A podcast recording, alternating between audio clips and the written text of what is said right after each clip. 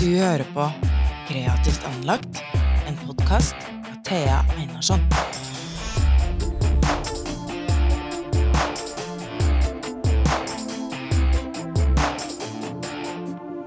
Ine Marie Wilman, velkommen til Kreativt anlagt. Hæ? Siste episode. Veldig stas å ha deg med. Det føles jo veldig ærefullt. Ja, men det, det, det håper jeg. For det, er det i hvert fall for meg, og for lytterne. Det er jeg ganske sikker på. Kan ta en rask intro selv om jeg kjenner at du egentlig ikke trenger det. Men um, du jobber da som skuespiller. 38 år, kommer fra Rykken. Så har du studert ved Kunsthøgskolen i Oslo. Så har du spilt i oppsetninger på de fleste store teaterne vi har i Norge. Eh, før de 2006 fikk TV-roller, og 2018 eh, virkelig slo gjennom med hovedrollen i filmen Sonja. Jeg sier liksom virkelig slo gjennom, for det var først da jeg la merke til det, fordi da var liksom plakater blåst opp over hele byen. Men du har jo liksom fått priser før denne tid, eh, så, så det, du har jo vært et godt etablert navn før det. Men, så vi kan jo egentlig kanskje bare hoppe inn i det, hvordan, den, eh, hvordan du ser på den overgangen jeg har, jeg har vært borti folk som sier sånn 'Å, hvor har det blitt av denne skuespilleren?' Jeg har ikke sett den personen på lenge. Og så, ja, men de jo, går jo stødig på forskjellige teater rundt omkring og har jobber hele tiden. Mm. Ja, ja, eh, det har jeg kjent på sånn Altså, jeg hadde ikke gjort veldig mye før Sonja. Sonja var jo på en måte min andre store filmrolle. Mm. Og den første var med liksom, samme regissør, samme produsent. Mm. Eh, og det var jo den første der hvor jeg liksom eh, vant noen priser og sånn. Eh, men jeg har vel ikke følt på noe sånn 'og nå har du klart det'. Fordi det aldri har følt det sånn 'nå har det løsna', og så bare renner det på og går av seg sjøl. Jeg føler alltid jobba veldig hardt. Ja. eh, Og mye for å på en måte få til. Kom ikke inn på teaterskolen på første forsøk. Føler liksom, og sånn føles det fortsatt, at jeg må liksom legge ned masse arbeid, Mm. og liker jo det, da. Ja. Og jeg tenker på en måte at det er litt sånn eh, sunt. Ja. At det holder meg liksom eh, på jorda. Jeg tar ingenting som en selvfølge. Og med Sonja så var det sånn Jo, noen la kanskje merke til, men eh, Sonja var fortsatt ikke jeg, For meg var det jo Det tok mye plass i mitt liv Mm. over mange år. Så, sånn at det var jo en veldig sånn stor ting for meg. Eh, men det er fortsatt egentlig ikke før nå. Og egentlig mest på grunn av Exit, hvor jeg tenker at jeg bare holder på i en krok. Eh, hvor jeg merker at det er en sånn endring i at folk kjenner meg inn på gata, og jeg blir sånn snikfilmet på Kiwi og sånn. Ja. Fram til nå så har jeg vært helt anonym. Sånn det er ingen som Og det har jeg hatt det kjempebra med. så Men folk flest er jo veldig hyggelige, da. Men litt sånn er det når man plutselig er med noe sånn veldig kommersielt. For Ja. Sonja var eh, tross alt ikke så kommersielt. Selv om jeg tenkte at det kom til å bli det. ja, det fortjener jo det. Ja, takk, takk. Men Mm. eh, det var jo på en måte under 100 000 som sånn på kino. Selv om vi fikk god kritikk og sånn, eh, så var eh, I forhold til disse menn med skjegg på ski, holdt jeg på å si, så, så er, var den ikke noe sånn derre Det var ikke sånn som kjempemange så. Nei, for det er jo spesielt, for jeg har hørt at du har uttalt i et intervju tidligere at hadde Sonja vært en mann, Ja, så hadde det vært langt flere filmer allerede laget, da. det tror jeg. Ja. Og det, eh, jeg, nå, nå er det mange år siden jeg så den, jeg så den da den kom. Mm. Og, og det, noe av det jeg også syns var, så- var så spennende, fordi på den plakaten så er det jo den perfekte isdronningen, liksom. Du, du er vakker, og alt ser vakkert ut, og den uh, stå på, på, på skøyter er også veldig sånn eh, fragilt, veldig eh, altså, skjørt, men også sterkt. Men det er liksom Ja, det er veldig til utstilling også. Ja, Og så ligger det så vanvittig mye mer under. Og jeg opplevde at du Det begynte flott, øh, flott og enkelt, liksom, og så slår det seg sprekker. Karakterene fikk en så stygg personlighet etter hvert, eller- kom frem en del sånn stygge sider i personligheten, mener jeg. Mm. I et sånn vakkert eh, ytre som hun fremmet, eh, eller som Åh, Nå roter jeg meg bort i ordet her. Men den kontrasten der syns jeg Mm. var så, det var så deilig å se. da. Ja. Endelig, liksom. Og da jeg bare lurer på sånn, Har man ikke tenkt at denne filmen kunne inneholde det? Er det liksom kanskje noe derfor at man ikke tenker at denne filmen ville være mer kompleks enn hva den var? Ja, nei, jeg vet ikke. Altså, det, det handler nok litt om at det derre s- kanskje litt sånn kjønnet publikum, da. At på en måte noen guttegjenger eller eh, at menn eh, kanskje ikke tenkte at det var en film for dem, liksom. Eller sånn fordi man har den derre isprinsesse. Men jeg vet ikke, og så var det liksom Altså Sånne biografifilmer er jo alltid vanskelige. Mm. For det vil alltid være noen som mener at hun var ikke sånn, og det var ikke sånn, og de burde heller laget en sånn film. Og, og med Sonja så tenker jeg at man kunne laget veldig mange ulike filmer. Mm. Fordi hun hadde en veldig sånn mangefasettert karriere og en veldig mangefasettert personlighet. Ja, ikke sant? eh, sånn at man trår liksom oppi litt sånn «Ah, Man må velge en retning, eller regissøren ja. må det. Det jeg opplevde som jeg syntes var interessant med den, det er at veldig mange yngre folk som så filmen, Mm. syntes at det var sånn at det der eh, Den blandingen og det utrolig vanskelige, utfordrende i den personligheten, blandet med det der ambisiøse, veldig dyktige, Ja. at de syns det på mange måter var inspirerende Mm. og interessant. Mens mange av de eldre som kanskje tenkte at liksom, dette er en film for meg, de reagerte veldig sterkt og veldig sånn negativt på at filmen var så eh, at, den, at hun ble fremstilt så stygt. Ja, Sånn går det ikke an å oppføre seg. Ja, og litt sånn sånn var hun da ikke, og Ikke sant? eh, Ja. eh, uff, liksom, kunne hun ikke fått lov til å være dyktig? Og så bare sånn, hun er dyktig. ja, Eh, men det er jo aldri bare det. nei. Så, og det viser jo det blir jo også, Fordi dette er film, så har vi jo muligheten til å vise scener som aldri folk ellers får lov til å se. Da Mm. er vi innenfor husets fire vegger, liksom. Mm. Um, eller er den fjerde veggen? Ja. Uh, jeg husker den ene scenen hvor du mister det inne på Jeg husker ikke om du er på et Og det er så mange år siden jeg har sett den nå, men på et hotellrom eller det du, du blir kjempesinna. Det var sånn rage som er helt ah, det, var, det, var, så- det var så deilig. Så kjente, jeg tror ikke jeg har sett en, en dame bli Miste besinnelsen sin så herlig, liksom, på, på lerret før. Og det sier jo veldig mye, da. ja. Men det har jo, jeg tror det har skjedd litt ting eh, bare siden den, den kom ut i 2018. Ja, det er lenge siden. Eh, ja. Og jeg tror faktisk det har skjedd litt ting bare siden da, i forhold til dette med hva vi er vant til å se Absolutt. at kvinner kan gjøre, Ja, ja, ja. og at kvinner kan være. Og det er jo veldig gledelig, da, tenker jeg. Eh, men herregud, ass. Jeg, ja, det er jo nesten sånn synd at man allerede har spilt den. Fordi nå har jeg sånn Å, jeg burde ha gjort og skulle ha gjort det. Og hadde jeg bare hatt tilgang, mer tilgang på det der. Og, ja. Men jeg tror det var med på bane vei, da. Det var en Ja. av alle de mange filmene som kom både her og internasjonalt, da. Ja. Med, med større roller. Det, nå hoppa vi rett i det, Ja. egentlig, så vi kan gå så vi- vi litt frem og tilbake. med.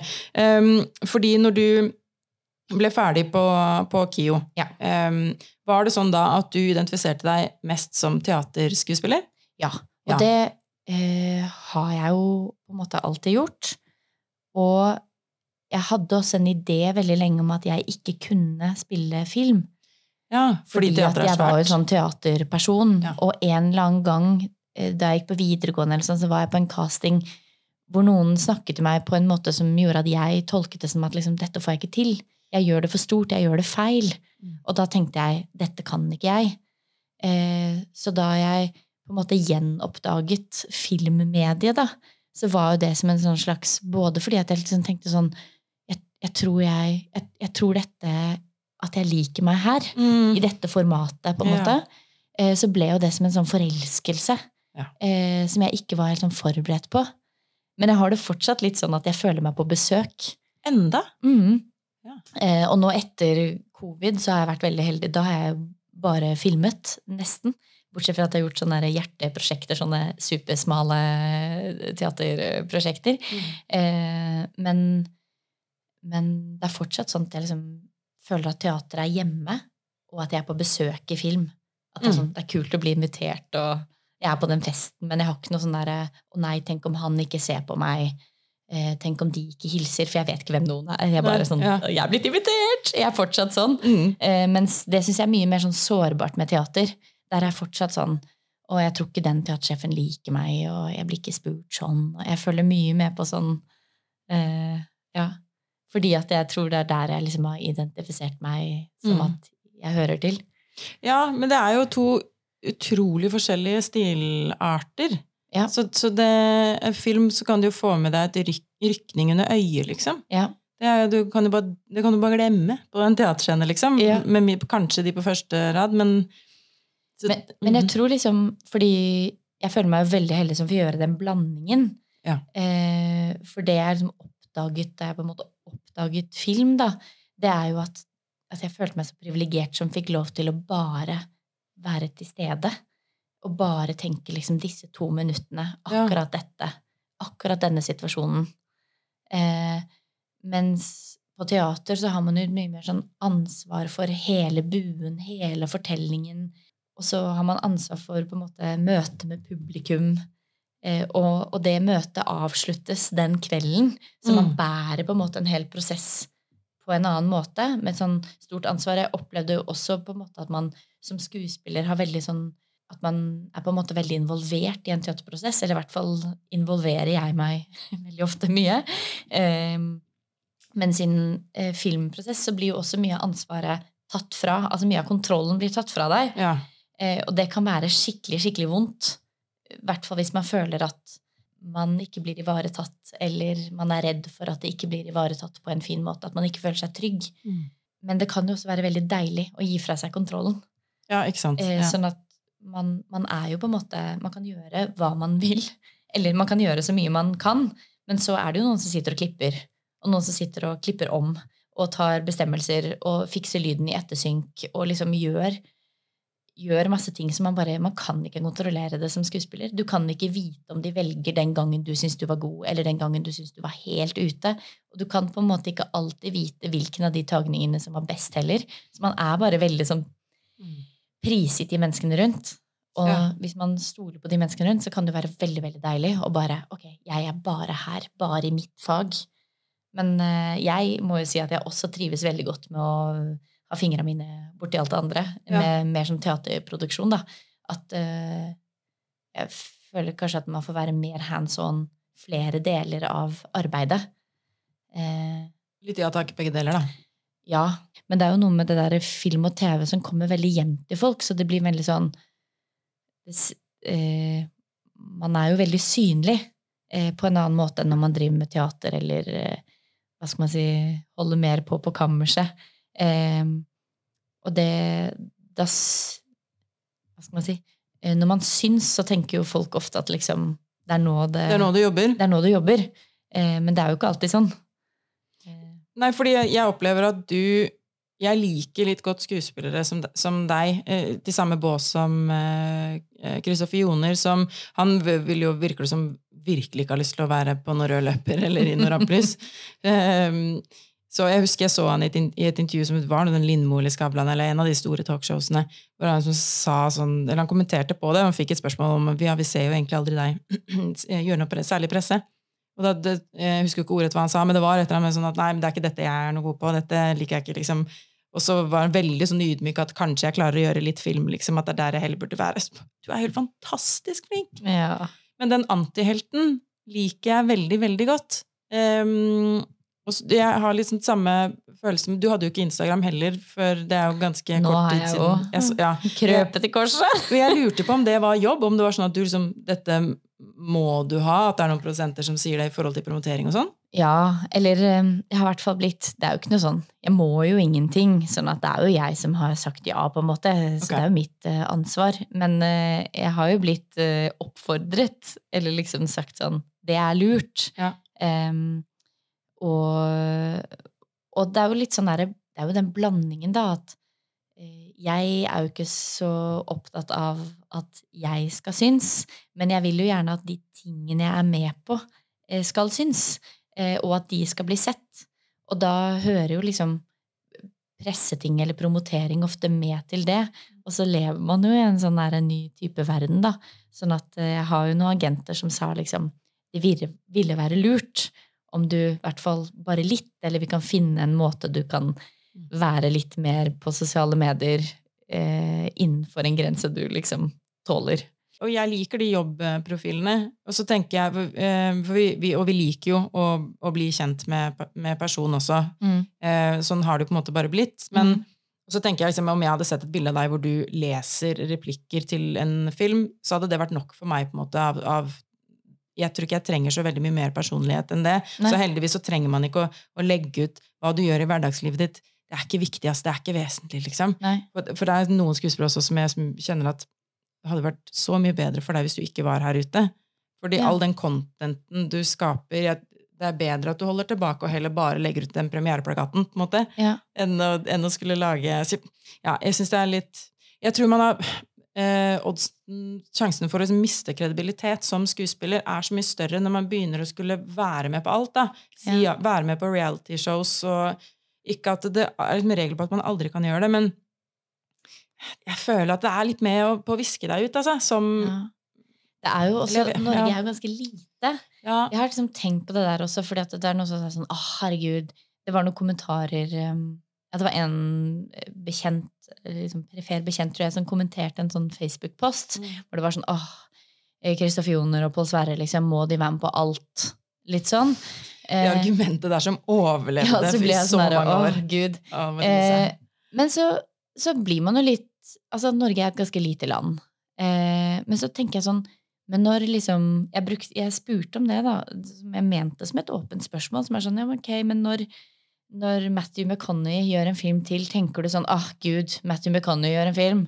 Åh, han er med på alt. Finn noe nye. Du tenker oi, Matthew McConney med. Da er det kanskje en bra film, fordi han er god. Ja. Eh, og da sa den personen, eller så skrev sånn hm, det er interessant, jeg har ikke tenkt på det på den måten. ja. Men vi er jo ganske sånn kjappe her til å være sånn her åh, hun er med på alt, eller han er med på alt, eller Ja. Men jeg har jo kjent på det selv sånn her, å, jeg må eh, liksom Man må kanskje være veldig bevisst, eller Men så tror jeg kanskje liksom Noen mennesker tror jeg Hvis de er komfortable Ja. med å være med på mye, så tror jeg også de lever fint med det. Mm. Jeg tror det er verst for de menneskene som det høres ut som du er, og kanskje jeg er, som ville, det ville skapt masse sånn selvbevissthet, og du har egentlig ikke lyst til å være med i reality. Mm, Men hvis mm. du hadde gjort det fordi du følte du måtte, ja, ja. da hadde det også på en måte, tror jeg, blitt lest som mer smertefullt. ja, det har du nok rett i. Mens liksom hva, Herregud. Eh, Sven Nordin, liksom. Ja, Han kan både spille Brann på Nationaltheatret og gjøre en sånn kjøttreklame for Rema 1000. det er sant. Og virker som han tåler det fint. Ja. Og da virker det som publikum også bare Å ja, men sånn er han. Jo, men det er jo kjempe, det er, det er jo et veldig godt poeng, for det handler jo om liksom, hvis du bærer noe selv Ja. med rak rygg, så er man jo sånn, ok, men da kjøper jeg det. Ja, ja, Men hvis man holder på med sånn burde jeg kanskje, og så er Ja. man med på noe, og så har man egentlig strukket seg for langt, og så er man egentlig ukomfortabel, og så da blir folk sånn Nei, uff, skulle ikke vært med på det. Ja, Jeg vet ikke. Så jeg, jeg, jeg kan ikke være med på det. Men nå Ja, nei, vi får se. Det er balansegangen. ja og så er det jo, når jobben din, det, du er jo eh, ute i det offentlige via jobben din hele tiden, så jeg vil jo Mm. tro at det da kan være veldig deilig å ha, å ha ditt liv for deg, da. Ja. Og også tenkt at det er veldig sånn eh, privat, liksom. Og så tenker jeg jo også at liksom eh, Karakterene mine er mer interessante enn meg. Mm. Ja. Ja.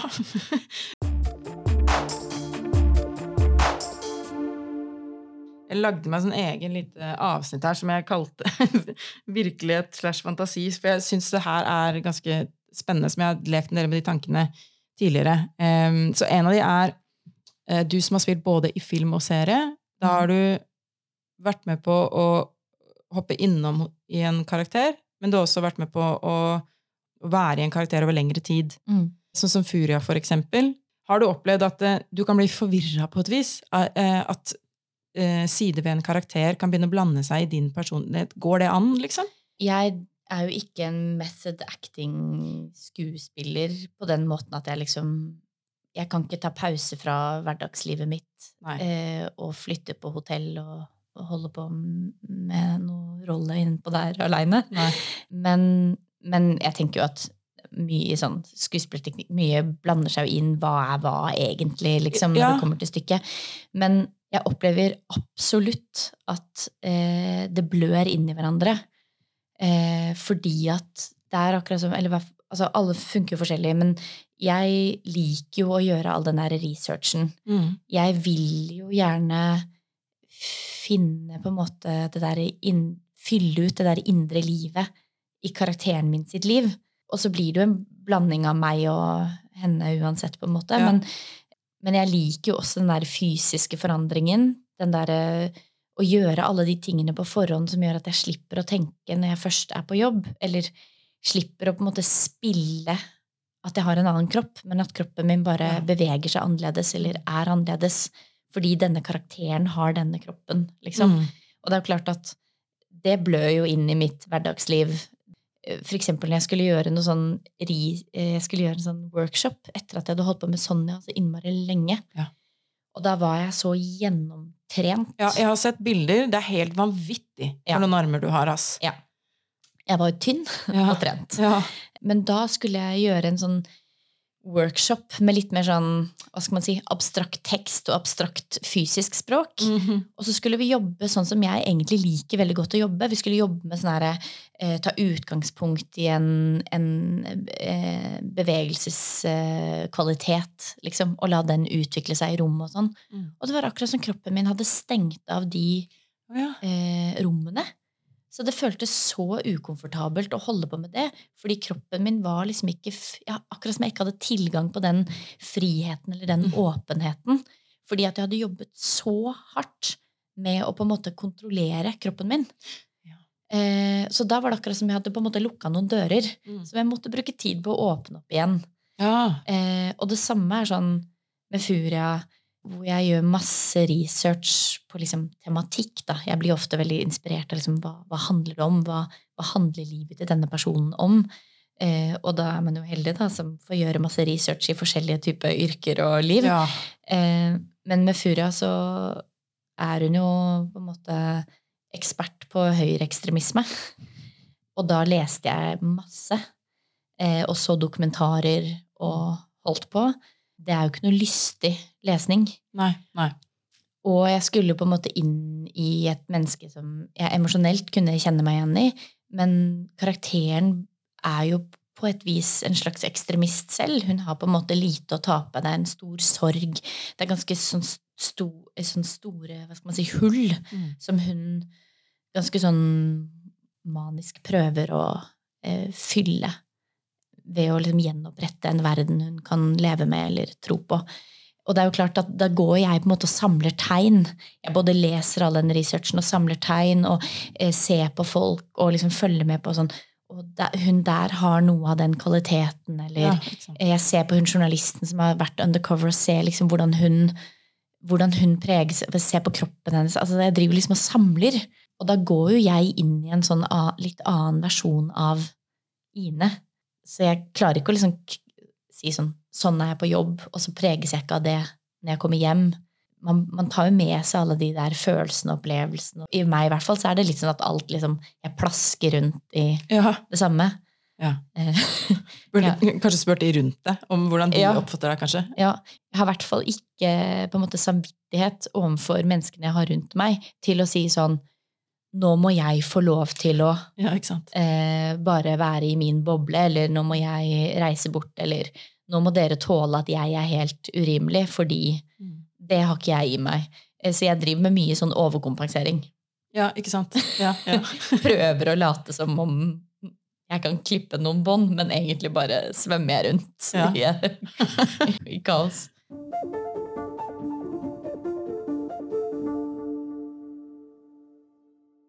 I Krigsseileren Så nå har jeg sett to av tre episoder, for jeg, jeg valgte å se det på Netflix. Det, Mm. eh, det er jo opprinnelig en film. Mm. Fungerer sabla godt som uh, serie. Og jeg har, jeg har sett uh, da um, siste delen av eh, episode to nå i stad, og eh, halvannen da i går kveld. Å legge seg etter, etter det altså Det er noe av det mest heftigste jeg har sett. Og har, vi har sett så mye krigsfilmer opp igjennom. Og jeg kjente når Furia kom, nei, unnskyld, krigsseilerne krigsseileren kom, så kjente jeg sånn Enda en, liksom. Pluss at skal den komme nå? Mm. Med alt som skjer rundt i, i, i verden nå. Og så, så eh, Derfor har jeg venta såpass lenge med å se den. Mm. Og så så jeg jo terningkasta.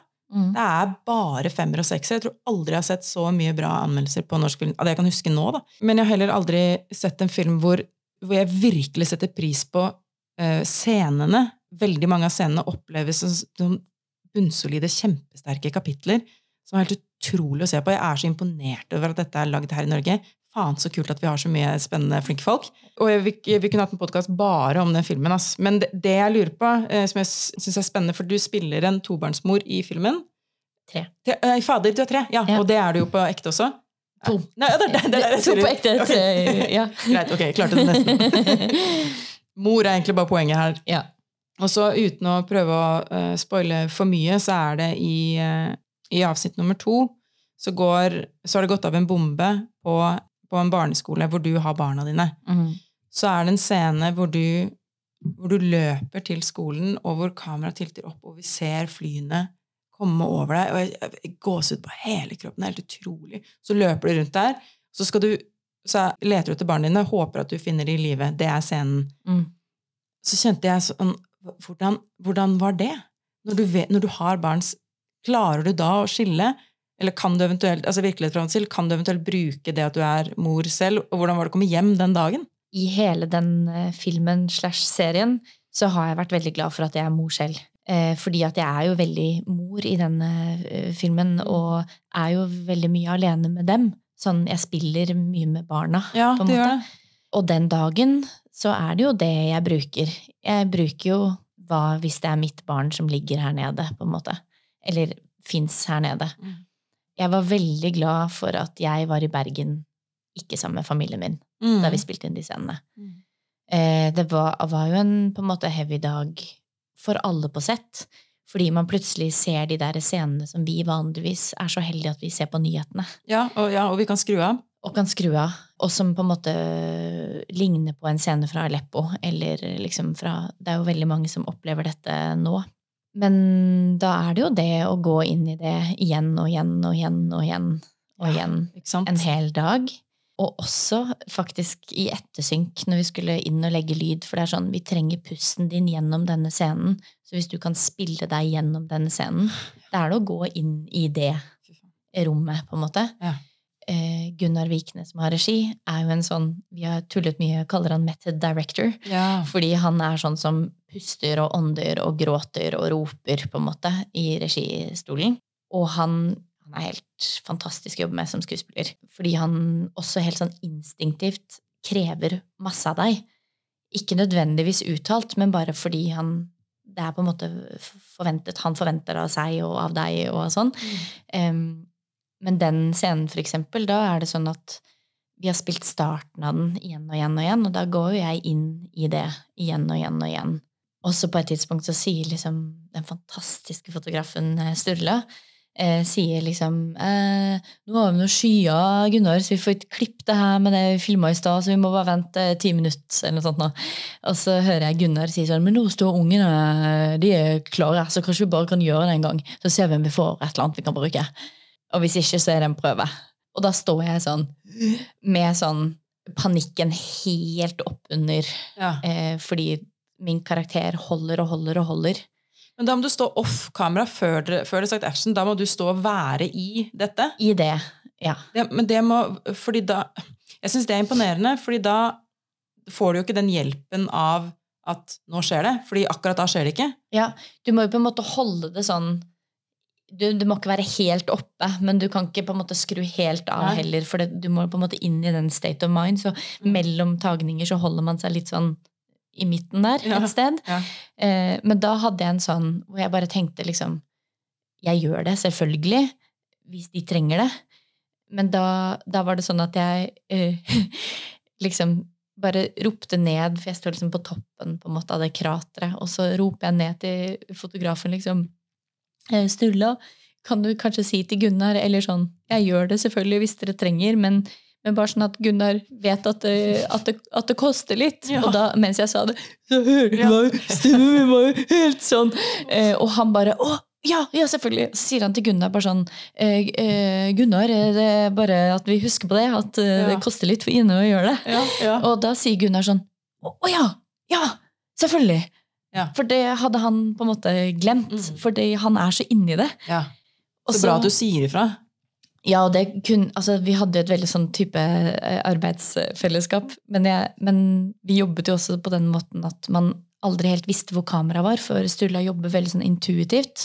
Og det betyr at du aldri kan på en måte være litt sånn halvveis off. Spare litt på kreftene. Mm. Fordi plutselig har du kamera i ansiktet. Ja. Eh, så du må på en måte gå inn i situasjonen hele tiden, for du, du vet ikke. Jeg elsker å jobbe sånn ja. hvor jeg ikke trenger å tenke på hvor er kameraet, er jeg der eller der? For da slipper jeg å på en måte bli selvbevisst. Jeg må bare være i situasjonen. Eh, det funka superfint for meg, men det var jo så klart på et tidspunkt mens jeg liksom er sånn i full panikkmodus og står og liksom graver etter barnet mitt i noe plank og Ja. pinner, eh, så ser jeg sånn og, ro, og roper liksom etter det barnet, så ser jeg sånn i sidesynet at Sturle er sånn 15 meter unna og filmer noe plank. og da tenkte jeg liksom Ja ja, Wilman, her står du! Kjempegøy! Da, så da tenkte jeg sånn Ja, ja, her er liksom Ja. skuespillerinnen som bare står liksom er all in, og så er det bare sånn Ingen Nobody som bryr seg om hva du driver med, liksom. Men, eh, Dårlig ja, men, men også på en måte fint, for Ja. plutselig var han jo der. Og så, Uff a meg. ja. men, eh, men det er jo det der, og den opplevelsen, da, eller det som skjer i min kropp, de følelsene, er jo ekte. Selv om jeg vet at denne situasjonen heldigvis er eh, falsk for meg. Mm. Den, eh, så er det jo noe med at liksom Og det gjennom hele den innspillingen av denne eh, filmen, så var det sånn at jeg liksom Jeg har fortsatt ikke funnet ut helt hvor jeg skal plassere det etterpå. Nei, ikke sant? For jeg går hjem på hotellrommet Mm. og har opplevd det Mm. gang på gang på gang en hel dag. Ja. Eh, og det er fortsatt sånn, du merker det sikkert nå, Mm. eh, det er fortsatt sånn at jeg eh, blir veldig emosjonell når jeg snakker om Mm. den dagen. Eh, sånn at det fester seg jo et eller annet sted. Men har man ikke en debrief etter sånt? Nei. Nei. Eller ikke på noe jeg har vært med på, i hvert fall. Det er jeg litt overraska over, at man ikke har det på sånne tunge scener. Ja, Pia Tjelte har vel snakket litt om det. Ja. Eh, at hun til slutt kom til en sånn militærpsykolog som bare sa sånn Jo, jo, men selv om ting er imaginært, eller sånn, Ja, så har jo kroppens Kroppen har jo opplevd det. ja ikke sant? I hormonene, alt det som skjer fysisk. Ja. Hvis du har gått ordentlig inn i noe, selv om logikken din kan si sånn 'dette er falskt', Mm. så har alt skjedd i kroppen din. Eh, Sånn at eh, hun snakket vel om det sånn Det er jo ikke så rart at hun hadde masse smerter i kroppen etter å ha spilt sånn mor som mistet barna sine sammenhengende i ett og et halvt år. Nei, ikke Liksom. sant? Nei. Nei. Eh, fordi kroppen reagerer Ja, som at situasjonen er sann. Ja, ikke sant? Det, for det syns jeg var overraskende. Jeg tenker jo at egentlig en psykolog eller terapeut er like viktig som en intimitetskoordinator. Ja, det er jo interessant. Ja. Ja, det, så det, det tenker jeg som Kom igjen, da, industrien. Dette må vi få på plass. Ja. På. Ja. Kyssing og sexscener. Mm. Jeg opplever det som at eh, det er et forbudt, forbudt tema å snakke om med skuespillere. på en måte. Men, men jeg, man skal, det er ikke det man skal snakke om i, i et presseintervju. Så for all del. Men eh, jeg føler at skuespillere på en måte bare har um, rista litt på skuldrene og sagt sånn nei, det er bare en del av jobben, og nei, det var gøy, det, men, og så går de over på noe annet. Og så har jeg aldri fått svaret selv på men eh, eh, teknisk, liksom, hvordan, Mm. hvordan er dette? Men også følelsesmessig. eh, fordi, jeg har, fordi jeg har en egen erfaring med den. Jeg, hadde, jeg spilte en scene på eh, en teaterskole jeg gikk på, som var min første scene hvor jeg skulle kysse en, en annen person. Og det, jeg tenkte at jeg tenkte det, det er rart og spennende, liksom, men det går sikkert bra. Men idet vi kyssa, og det var en kort dialogscene bare, idet vi kyssa, så ble jeg revet ut eh, fra hele illusjonen, og det opplevdes eh, Jeg ble overraska over hvor invaderende jeg syns det var. Og hvor, for det var ingen som hadde fortalt oss dette, da, at det kanskje kunne føles sånn. Kjempeintimt. Og jeg, jeg klarte ikke da, og jeg tror ikke jeg spurte om hjelp heller, da, av noen av lærerne. Eh, Jeg, fordi det, liksom, man snakka litt mye om det. Jeg klarte aldri å finne en måte å bli ok med det, så jeg datt alltid helt ut, og klarte aldri å komme meg helt inn igjen eh, i den scenen. Også fordi det bare var en dialogscene, så var det jo en kort seanse, liksom. Mm. Man kan ha kjærester på hjemmefronten også, så da er det også vanskelig. Så hvordan, hvordan gjør man dette, liksom? Jeg eh, Jeg, jeg syns det er et kjempeinteressant spørsmål. Og så er det sikkert sånn at man, man snakker ikke så mye om det fordi det lett kan bli sånn der sensasjonsaktig. Sånn, vi snakker om de sexene eller nakenheten eller Ja. at det er sånn. Men jeg tenker at det er veldig bra at vi driver og har sånne intimkoordinatorer nå. Nettopp fordi det derre ideen om at liksom Hvis man bare ikke lager noe føss, så blir det ikke noe greier. Ja, ikke? Hvis du skjønner mener at liksom, ja, skal man ha på plass noen sånne mennesker, det er flere kokker og mer selv, så det stemmer ikke, tenker jeg da. Jeg syns at det kan være min første sånn erfaring med, det, med den første ordentlige filmen jeg spilte i, følte jeg sånn De nærmeste. Der er det masse sex. En sexscene blir beskrevet som lang og utmattende. og da spilte vi en sexscene i tror jeg fem timer i strekk. Liksom. Og da er det sånn eh, Det er jo litt forskjellig hva man gjør fra produksjon til produksjon, ja. men vi var sånn Jeg var naken, tiss mot tiss, med en mann jeg nesten ikke kjenner. på en Ja, Men du har vel dekt tissen på et eller annet Ja, eller Vi på en måte fant ut at det var mer styr enn Ja, en, eh, ikke-styr.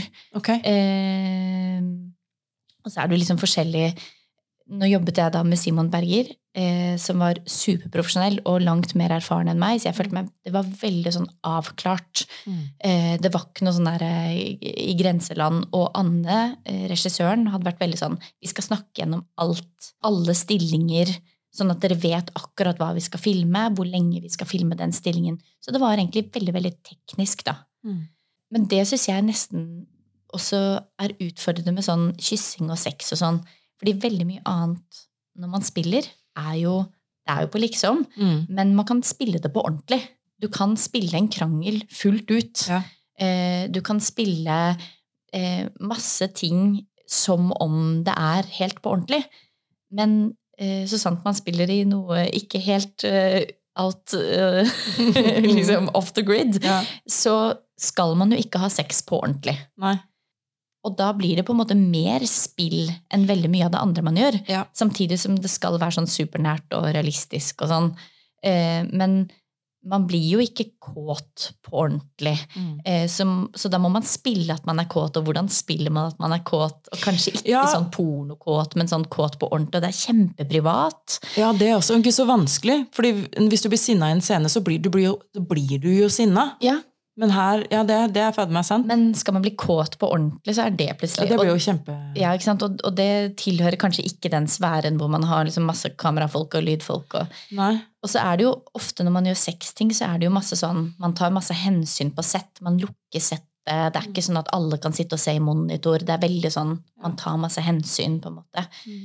Og min erfaring er jo liksom Det sa jeg også på Krigsseileren, fordi av og til kan man jo ha regissører som også syns det er litt flaut, Ja, og som ja, bare vil at man bare skal gjøre det. Ja. Eh, og som syns Så går de sånn- ut av rommet, liksom. ja, eller som syns på en måte Som ikke har lyst til å be deg om å ta deg. BH-en, men som ikke helt vet hvordan de skal spørre om det.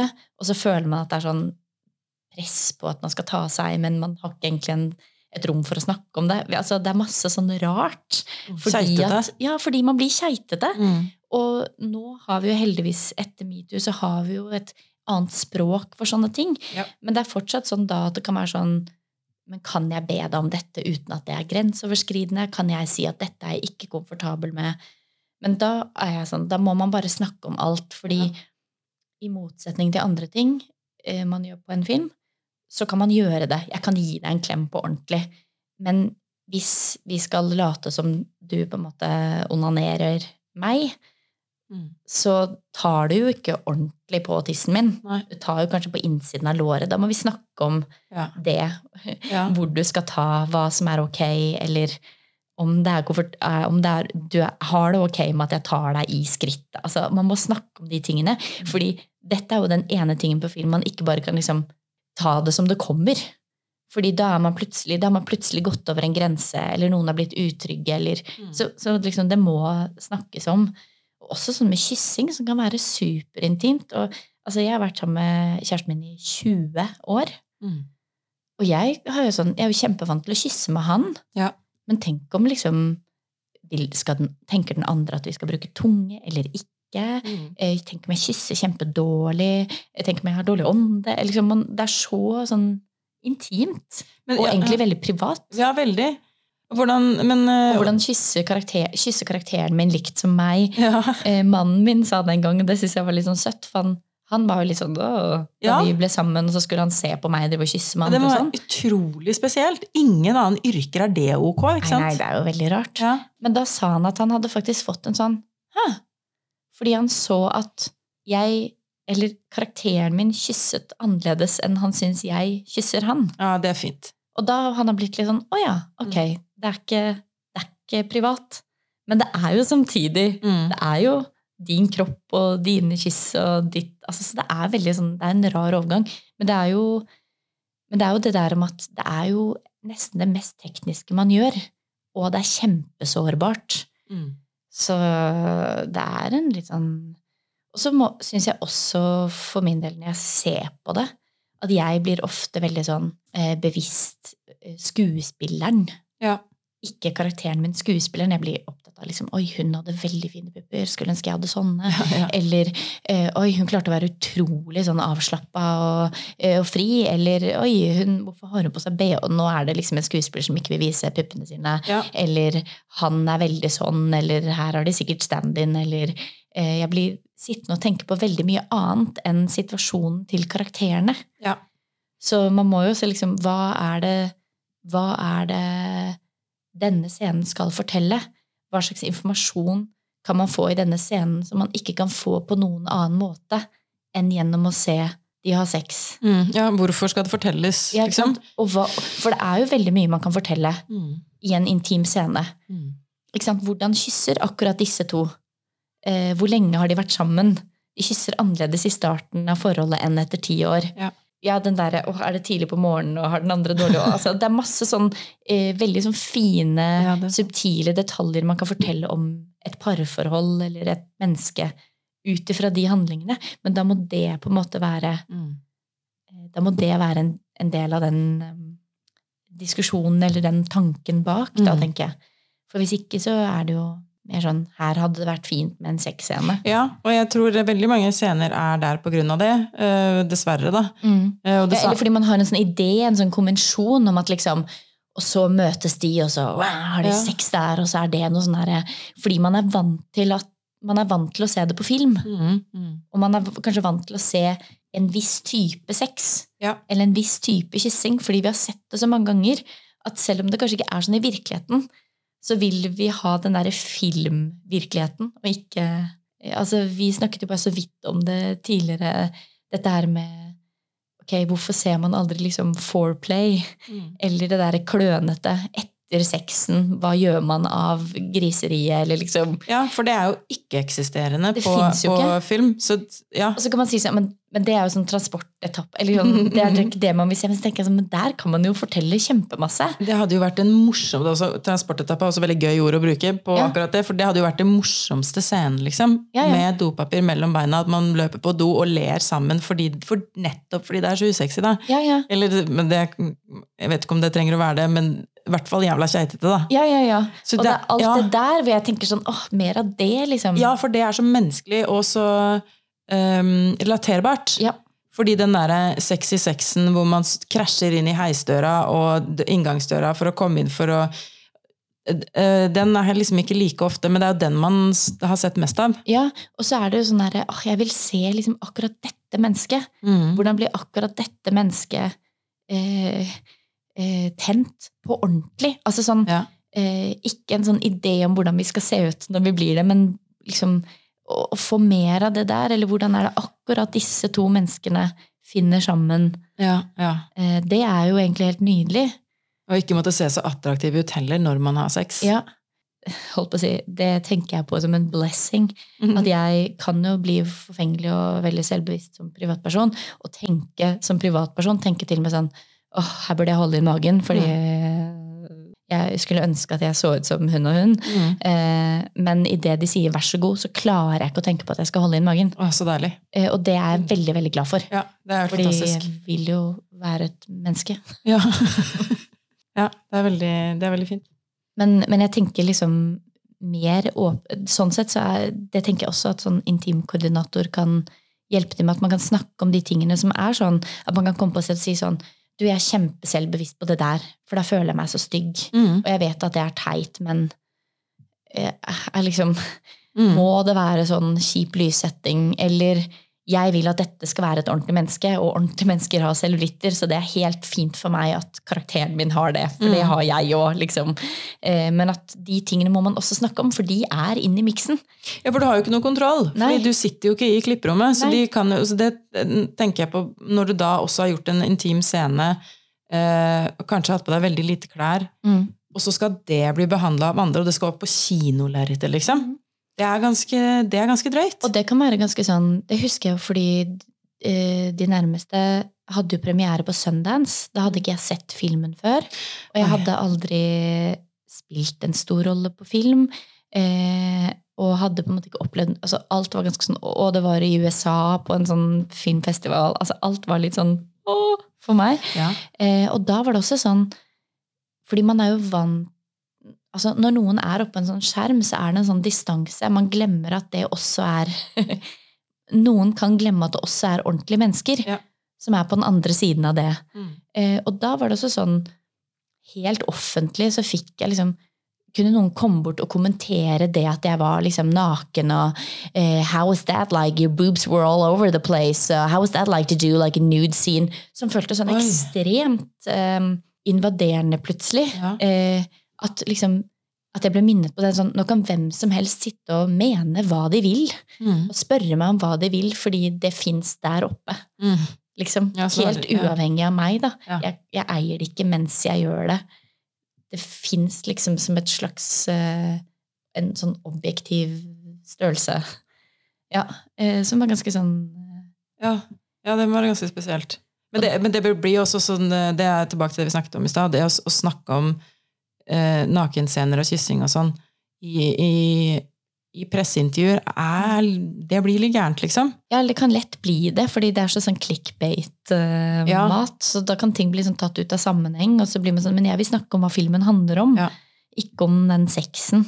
Men jeg tenker jo det, alt det der private som er i spill når man skal ta av seg klærne eller gjøre noe veldig sårbart, som det å være intim med noen tross alt er, Mm. Så tenker jeg at alle de private tingene også må snakkes om. Si Mm. sånn Jeg er kjempeselvbevisst på det og det og det. Eller jeg tror jeg ikke er komfortabel med dette. Mm. Men kanskje dette, syns du det er greit om jeg gjør sånn? At man bare tar alle de pratene, så det i hvert fall føles trygt der og da. Så man kan på en måte hengi seg til det man skal gjøre der og da, uten at man på en måte har hodet sitt i klipperommet og tenker sånn 'Å nei, tenk hvis' Ja. Ja. Men det, og det er jo på en måte apparatet rundt sitt ansvar. Mm. For det kan jo av og til være vanskelig som aktøren i det å si sånn 'Jeg insisterer på' ja, gud. hvis ingen andre gjør det på en måte på dine vegne. Mm. Ja, det har kanskje kommet mer liksom, bevissthet rundt, eh, rundt det der tidligere. Jeg føler Før så har man mer vært sånn behandlet skuespillere som stjerner som man ikke kan ta på, og de skal få, få servert ditt og datt. og Det har på en måte heller vært den eh, Men så har vi kanskje mer skjønt at vi må ha det mer sånn som jeg ser det ut ifra. da, At vi er alle sammen mennesker som er på jobb her, og vi, det er et lagspill. Mm. Og at det, vi må fjerne den der voldsomme eh, statusforskjellen, for det blir vanskelig for begge parter. Mm. Det blir vanskelig for deg å melde noe, og det er vanskelig for um, noen fra utsiden å melde noe. Mm. Eh, så man, liksom, ja, man må kunne liksom bare kunne klare å snakke sammen på equal grounds. Da. Mm. Så, for jeg, jeg regner jo med at liksom den derre eh, Å, vi må gi skuespilleren plass og rom og og sånn. At det er fordi man vet at skuespilleren skal gjennom mye som er, eh, som er ganske tøft. da. Mm. Du skal blottlegge det på skjerm. Men Jeg har virkelig også opplevd det motsatte. At det ikke er sånn her skal skuespillerne gjennom noe, så her må vi gi plass og rom. Ja. Jeg har også virkelig opplevd sånn herre Ok, nå har vi tre minutter, lyset går, da er det far dør og gå. ja, Og jeg må gå. si sånn Vent litt! Jeg tror jeg trenger et minutt! Eller sånn du skal spille sinnssykt heftige ting, og noen står sånn og ser på fotball-VM på monitor. ja, Og man sant? bare er sånn Ja. Bare sånn Jeg skal spille noe sånn skikkelig sånn hjerte på blokka her. Uh, er det mulig å Nei? Ok, da får jeg bare greit. Og det kan være så sånn ydmykende, Ja. det også. At noen bare sier sånn herre Hvor lenge skal du holde på? Mens du står der og prøver sånn liv og død. eh. Ja, det er så funny at du kontrer med det når jeg snakker om det. Helt annen verden. Ja, ikke sant. Ja, det blir jo ikke så riktig det heller, si. Nei, man må vel finne Men jeg er veldig sånn Jeg absolutt eh, Jeg tror det er veldig sånn sunt at man holder på og føler at man er en del av et lag. Ja. Fordi den derre ensomheten Mm. ved at det både er sånn der Eller jeg tror ensomheten i begge leirer, da, ved at alle liksom skal på en måte Du har ansvar for ditt, jeg har Mm. ansvar for mitt. Jeg tror det også kan bli litt sånn ensomt. Ja. Istedenfor at man tenker sånn Vi prøver å lage noe sammen. Ja. Jeg jeg har jo troa på fellesskapet som super At det er en superpower uansett. Ja.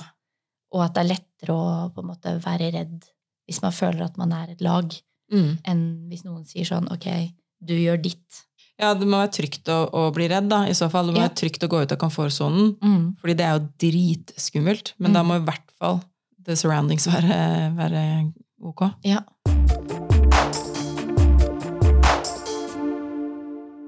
Vi kan gå videre til noen av de andre store produksjonene du har gjort.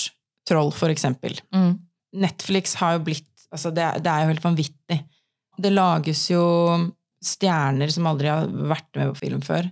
Mm. Som er med i en eller annen hotshot-film. Så lages det stjerner over natta, liksom. Når ut i hele verden. Som jeg tenker kanskje er mer problematisk enn det er greit for, for, for de som er med. Nå har heldigvis du vært med eh, en god stund og fått vente deg til det her, men likevel. Troll har hva, hva er det blitt nå? De tallene er stiger jo hele tiden. Det har blitt sett av millioner av mennesker.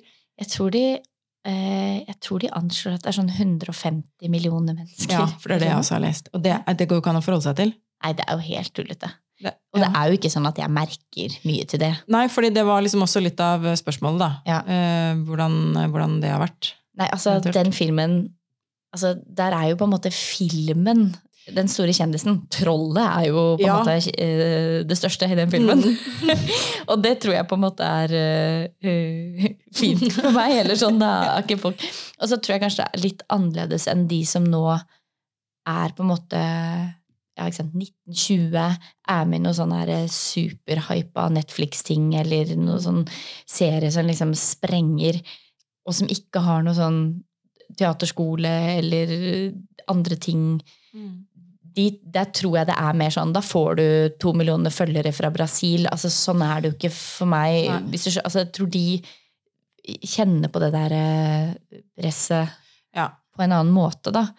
Eh, og det som er bra, da, tenker jeg med sånn Netflix, for eksempel, det er jo at eh, terskelen for at folk skal se det vi tidligere kalte foreign films, som Ja, betyr bare Det er ikke-amerikanske, Ja, ja, eh, den har jo blitt skrudd ekstremt ned. Mm. Sånn at før var det litt sånn å herregud, fransk film, det er sikkert heavy. Ja. Nei, det ser vi ikke på. Nei, nei. Eller europeisk film, utrolig smalt. Mm. Mens nå sitter jo liksom ja, 150 millioner og ser Troll, eller ser en tysk første verdenskrig-serie. Mm.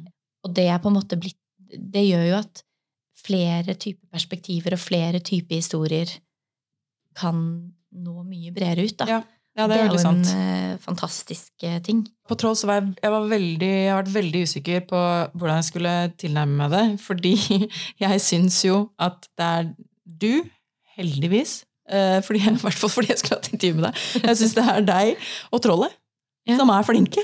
Ja, Det er, um, og det trenger ikke du å kommentere eller forsvare, eller hva som helst, jeg vet ikke hva du selv tenker. Men eh, jeg syns uh, CGI-en på Trollet er eh, dritspennende. Jeg elsker alle scenene der. Og så Mhm. syns jeg du leverer kjempebra. Og det blir jeg, så, jeg blir så overrasket over at man klarer det i noe som jeg ikke syns holder mål. Da. Jeg, jeg, eh, jeg syns ikke manuset er noe særlig.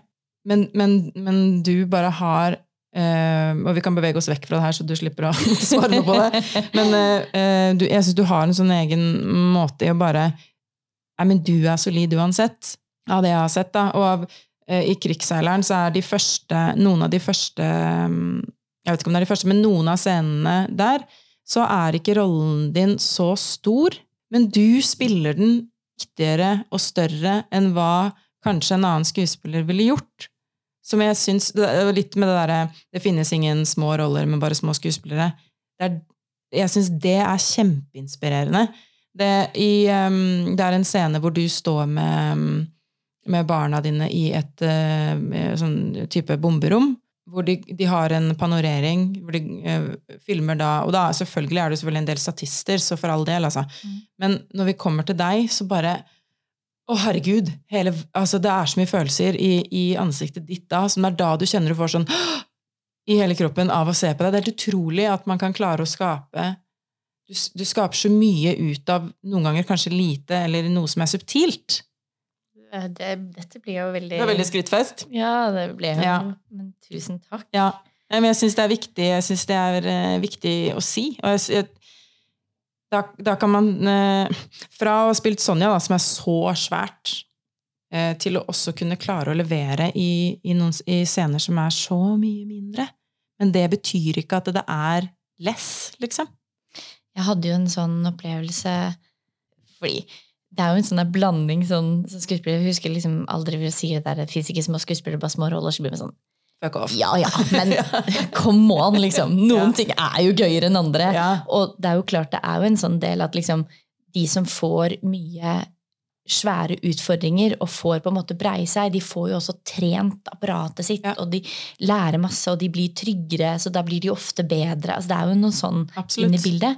Men samtidig så har jeg jo hatt noen opplevelser som publikummer Ja. hvor jeg, jeg husker veldig lenge så var jeg sånn Ja, ja, det er noe som folk sier, men hva betyr det egentlig? Ja. Og så husker jeg så et teaterstykke som jeg ikke syns Jeg syns ikke den oppsetningen var noe bra. Nei. Jeg syns ikke det var noe bra teater. Nei. Men så var det én person der, og jeg tror helt seriøst hun hadde tre replikker. Oi. Men jeg var bare helt sånn Hvem er det? Ikke sant? Og hva, jeg vil høre hennes historie! Mm. Eller jeg ble helt sånn Og da, og da husker jeg at jeg liksom tenkte sånn Å ja, Ja. det er det der! Mm. Og så ble jeg helt sånn Hva er det hun gjør, da? Mm. Ok, men hun var et helt menneske. Det var akkurat som hun, had, hun på en måte hadde bygget ut hele den historien. Hun tenkte ikke sånn ja, ja, ingen bryr seg om meg, eller denne rollen er jo bare Og så liksom lirte hun av noen ting. Men hun liksom eh, opplevde jeg det hadde liksom bygg, skvist den sitronen. Ja. Tenkt sånn ok, men dette skal leve. Det virket sånn spesifikt, og det husker jeg syntes var så sinnssykt inspirerende. Og så husker jeg tenkte på teaterskolen tenkte jeg sånn der, «Å, jeg vil bli en sånn Philip Seymour Hoffman av birollene, liksom. Som Mm. bare ikke spilte noe særlig uh, store roller, men som bare var helt sånn Han kom inn og var helt sånn «Åh, ja. briljant, liksom. Eh, fordi det var bare sånn uh, skvist og skvist. Og det, det tenkte jeg på sånn Tenkte aktivt på det fordi jeg har en kollega som også sa sånn Ok, men skal du gjøre en liten rolle i Exit? Altså sånn, Det var Mm. når jeg vurderte om jeg skulle liksom være med som Celine, Ja. som var en sånn rolle på siden, og det var sånn kona til, og jeg var sånn mm, Ja. ja. nei, vet ikke. Mm. Um, og så syns jeg jo det tegnet seg noe veldig sånn gøy der, så jeg hadde jo liksom lyst, men så var jeg også sånn åh, kona til. ja. Eh, men så tenkte jeg sånn, ok. Og så sa hun sånn, men da syns jeg du bare skal ta masse ansvar, for det er typisk for sånn birollejobb Mm. at man ikke blir gitt masse tid. Man får ikke masse samtaler med regissøren, man får ikke masse prøvetid. Birollene er jo ofte sånn det er jo sånn, Av og til så kan du være veldig utakknemlig. Du skal bare komme inn en dag eller to, Ja. levere Ja. og forsvinne. Og du får ikke alt det rommet som en hovedrolle ofte får. Mm. Så det er liksom eh, Så da sa hun liksom sånn Da må du bare ta ansvar for din egen. Så tenkte jeg sånn Ja, det skal jeg gjøre. Jeg skal se hvor mye jeg kan skvise uti kroken der, Mm. liksom. Og da hadde jeg jo det kjempegøy. Og man slipper belastningen av at liksom ansvaret hviler på deg. Du er ikke ansiktet utad, Nei, ikke men du kan liksom skvise sitronen inni kroken ja, ja, ja. der. Eh, og da blir det jo veldig gøy også, med de mindre Da kan man liksom tøye strikken eh, uansett om det er lite eller stort, det man egentlig har fått, da. Da, jeg syns det som er å ha respekt for faget også, Mm. og for deg selv da, som skuespiller det, Jeg lo så mye av eh, karakteren din i, i siste sesong nå. Det var, var så gøy, liksom. Åh, nei, det er hyggelig at du sier. Ja, ja, har det var- veldig, vi har jo ledd mye. Ledd og, ledd og grått. Men det er jo sånn, jeg kan, jeg kan le mye av eh, henne, på en måte. Men hun er jo også erkefienden din nå, da, føler jeg. Har jeg I virkeligheten? Ja, det er det jeg føler at jeg tolket det som. Fordi jeg, liksom, eh, fordi jeg eh, møtte deg på altså Det var jo via eh, Synnøve Hartken sin episode. Ja. Og da noen ganger når du var i, i sminka da, så, Ja. så var det sånn sånn Ja, men jeg, jeg, akkurat sånn hår er ikke så lurt, for da blir jeg veldig Bærum. Ja. Og da det, Ja, det eh, og, da, var- og da var det en del som prat som jeg bare dette er, jo, dette er jo så humor. Og så når du spiller Celine, så bare det er, henne, det er henne på speed, liksom. Ja, kanskje mye av det jeg bare prøver liksom Jeg er ikke sånn, altså. Jeg er ikke sånn. Nei, ikke og så kan jeg ta ut alt. Det må være så deilig! Ja, å bare kjøre deilig. alt der. Og det har jeg tenkt på som skuespiller også. Man får jo liksom mye av det man i virkeligheten kanskje liksom skammer seg over, eller prøver å skjule, eller eh, Ja, tenker sånn Sånn person kan jeg jo ikke være, eller dette er så fælt ved meg. Ja. Men som skuespiller så er det jo sånn Der skal man jo dra det frem. Alt det derre all den dritten, så kan man jo si sånn Ja, nei, nei, det er ikke jeg som er sånn. Karakteren min. Ja, ikke sant? ja, men Det kommer vel fra et sted, gjør det ikke det? Ja, ja. Men det er jo på en måte liksom godt. Da er det liksom trygt å ta frem Ja. noe av det stygge, lille, dumme. liksom. Mhm. Fordi man kan gjøre det gjennom Filtrere det gjennom en karakter. Ja. Ja. Ja, det er deilig, da, å bare få testa ut å, å være et rasshøl, liksom, eller eh, Ja. kynisk, eller Ja. ja, det er jo det. Det er jo, et, det er jo gøy å låne ja. Og i hvert fall i Exit, da, som er et univers som er så ekstremt, og dere alle sammen får lov til å spille så svært. Ja. Men samtidig der så er det jo gøy, for der er det jo tilbake til sånn å få lov til å være medskapende, da. Eh, regissøren der er jo veldig sånn som sier 'best ideen vinner', det trenger ikke å være min. Ja, det har jeg hørt. Jeg har hørt eh, en del intervjuer hvor skuespillere har snakket om han. Ja. Og at han har vært veldig eh, på å dele manus Altså han før det er deler sånn ferdig. førsteutkast og er sier sånn 'meld noe'. Og jeg, og da jeg var med Jeg hadde ikke gjort så mye Det var liksom før Sonja hadde kommet ut sånn, da jeg gjorde sesong én. ja. Og da var han sånn 'bare kom med noe', og så var jeg sånn 'men jeg kan jo ikke, Nei, ikke sant. manus'. Men så åpnet han liksom opp for det, og var sånn 'ja, men da prøver jeg meg', da. ja. Og komme med sånn 'er det litt gøy at' Og jeg har gjort noe sånn ja. eh, Er det liksom eh, Kan dette være Og så var det jo masse av det som kom med. Og så ble jeg litt sånn Å ja, ok, så det er ikke sånn at alt det jeg tenker er høl i huet, og jeg bare må liksom være prisgitt av at andre lager noe til meg. Ja. Jeg kan kanskje liksom bidra selv. Altså man får, Mm. man får jo trygghet og selvtillit av at noen viser deg tillit. Absolutt. Og mye mer eierskapsfølelse også, da, til sluttproduktet og rollen. Veldig. Og eh, Øystein gir jo veldig mye tillit. Ja, han virker helt... og da gir han jo også veldig mye rom. Også rom til at man kan liksom si sånn Jeg har en scene som jeg synes, tror det hadde vært veldig gøy om vi gjorde. Hva syns du? Eh, hvor han var sånn Den tar jeg. Nei, er det sant? Ja. Fikk du inn en scene, liksom? En, eh, hadde en idé til en scene, og da sa han sånn her Ja, men da begynner vi med den scenen du skrev til deg selv i fjor. Det er, det er helt konge. Eh, men som også er sånn Og så er det jo hele tiden hans touch på det, liksom. Og man kan jo hvile seg inn i at han lager et eller annet univers, og så kan man lene seg inn i hans univers. Og når han sier sånn 'fint, jeg har fått det jeg trenger', Mm. Så har man på en måte den tilliten til han at man tenker sånn 'ok, det er du som lager det universet, jeg stoler på deg', liksom. Mm. If you say so. Ja. Eh, så det er en veldig sånn Men det, det var overraskende for meg at han, han deler både førsteutkast og første klipp. Så jeg liksom savner dere noe, meld det inn. Det vitner jo om en trygghet i han òg, da. Men, Definitivt. Ja. men da er det jo sånn som skuespiller, når du sier sånn, altså er det jo så stort og så dratt ut og sånn, så er det sånn Han lager jo noen rammer for det i manus, men samtidig så sier han liksom Hva har du lyst til? Mm. Så, da- så gøy. Det er kjempe Ja. Det er jo ikke alltid det er sånn. Nei. Men, nei. men det, det er jo veldig gøy. Og da ser man jo også De regissørene som er sånn, sier jo også liksom Ja, det er jo masse her som på en måte Ja, som han sier, da, den beste ideen Altså, hvis du lar andre være gode, så gjør det jo deg også bedre. Mm. Mm, ja, Da absolutt. kan man liksom Det er en utveksling der. Det er jo litt sånn Jeg tenker at det kan også bidra til at vi ikke føler oss så ensomme og trenger å være redde alene, hvis man har den derre tilliten til at liksom Du vil dette vel, og det vil jeg òg. Vi vil begge det beste for dette produktet. Sånn at da kan man liksom ha den utvekslingen, da. Ja, og jeg tenker også Det fort kan bli kaos da, hvis man ikke vet hva man driver med, og så lar man alle få lov til å komme med innspill. Så han- Absolutt. Det er en eh, balansegang. Ja, så jeg Ja. tenker at han er nok i en unik posisjon der, at han klarer å sjonglere alt det. Ja. Eh, og det sluttresultatet er jo helt fantastisk. Jeg har ingen ære for det. det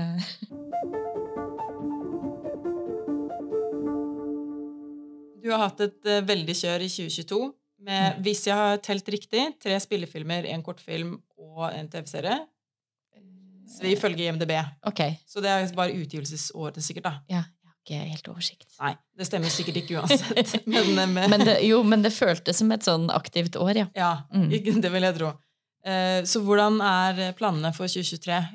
Nå har jeg jo litt sånn der periode hvor jeg skal eh, Hva skal man si? Eh, nå skal jeg eh, vedlikeholde min kunstneriske kompost. Som er liksom Nå skal jeg drive med sånn eh, Nå holder jeg på å skrive på et eh, teatermanus sammen med en Ja. forfatter. Eh, Vi har liksom sendt søknad på et sånn her eh, film... Nei, eh, teaterprosjekt som begynte på Dramatikkfestivalen, hvor vi hadde et veldig sånn gledelig og inspirert samarbeid. Eh, hvor vi nå har sendt inn søknad for å prøve å bygge det ut i en helaftens forestilling. Så det er liksom mer sånn der, eh, hva skal man si, sånne hjerte, hjertebarnprosjekter. Ja, Så gøy at du kan Eh, skape selv også. Ja, og det sånn, eh, Apropos din podkast og denne tittelen og sånn, Ja. eh, det var det Cecilie Mosli, som var min eh, lærer en periode på teaterskolen, Mm. sa at hun sa at dette er viktig. Fordi vi alle grudde oss til sånn, hva skjer etter skolen, og hva gjør man når man ikke har jobb? og ja. Det er jo utrolig sårbart i disse kreative yrkene, det der at man er så avhengig av å bli valgt. ja. Em, det er Og hver gang òg. hver gang. Ja. Og bli veid og funnet mm. for lett. Og det er så utrolig sårbart. Og hun sa det at for å på en måte eh, beholde sin integritet og liksom ikke falle fra hverandre, så sa hun sånn Må dere ha noe på gang? Ja. Skap noe sjøl. Ja. Sånn at dere vet at liksom, ok, nå er det stille, ingen velger meg, men jeg holder på med prosjektet mitt. Mm. Eh, og så husker jeg bare tenkte sånn, jeg vet ikke om jeg er en sånn skuespiller som eh, Og så har det jo vist seg at det blir jeg jo superinspirert av, eh, og har skjønt at men jeg er jo en sånn Sånn er jeg, og folk drives av forskjellige ting. Men jeg syns det er kjempespennende å være i kunstneriske prosesser, ulike. Ja. Ja. Um, og også være veileder for studenter, eller liksom ha mange ulike måter å tilnærme meg det faglige på, da. Ja. Eh, sånn at eh, nå er jeg i den perioden hvor jeg driver og holder på med sånne type ting, eh, og har litt tid til det. Og så er det Så noen deilig. sånne ting som er oppe i lufta som ikke helt er landa, og så eh, Altså eh, Så det er jo liksom litt nervepirrende og litt spennende. Mm. Eh, men, men jeg tenker at det rådet eh, er i hvert fall min opplevelse at det stemmer. Mm. Man må liksom ha noen ting som gjør at man minner seg selv på at jeg har noe å komme med. Ja. Det er ikke bare sånn at man står med lua i hånda og håper Nei. at noen syns at man er verdt noe, liksom. Eh, og det der å være i kontakt med hva er det jeg vil drive med? Mm. Eh, hvorfor er dette viktig? Hva slags historier syns jeg er viktige? Hvordan kan jeg fortelle dem? Hvordan kan jeg eh, liksom hvordan kan jeg på en måte utvikle kunstnerskapet mitt da, i Mm. ulike retninger? Hva er det som er spennende? Eh, men det kombinert med det som de snakket for lite om da jeg utdanna meg, Mm. eh, å eh, skaffe seg en heiagjeng. Eh, ikke være helt alene om alle de vanskelige prosessene. Nei. Ja. Eh, det der å skaffe seg noen Finne noen kollegaer eller noen eh, Det kan være noen man har sett som man bare tenker sånn åh, jeg syns hun er så utrolig dyktig, eller jeg har hørt han snakke om det og det, det syns jeg var så inspirerende. Og rett og slett liksom ta kontakt, koble seg på, finne noen som man tenker sånn åh, jeg stoler på hennes blikk. Mm. Så hvis man jobber med noe, eh, be om hjelp. Ja. Og det var det en annen Henrik Mestad, som også var læreren min, som sa at de beste ber om hjelp. Og jeg, så ambisiøs og strebersk som jeg er, var sånn ok, skriv gjør jeg. Beste ber om hjelp. Ja. må jeg be om hjelp. Ja, men, eh, ja kjempe, kjemperåd. Jeg husker jeg også stagnerte en stund som fotograf fordi jeg ikke turte å spørre om hjelp. Fordi jeg følte at nå har jeg vært det såpass lenge at dette skal jeg kunne. Ja. Og, og da bare, det, det ble bare verre og verre. Og, så, og det var sånn, sånne rent sånn tekniske ting som du egentlig bare kan google deg til. Altså, men jeg bare lærer bedre av, av å være i, dialog og Ja. gjøre det selv. Så var jeg på shoot med en fyr, og så måtte jeg faktisk spørre han, da. Og han var jo ikke fotograf, og det skulle liksom jeg være.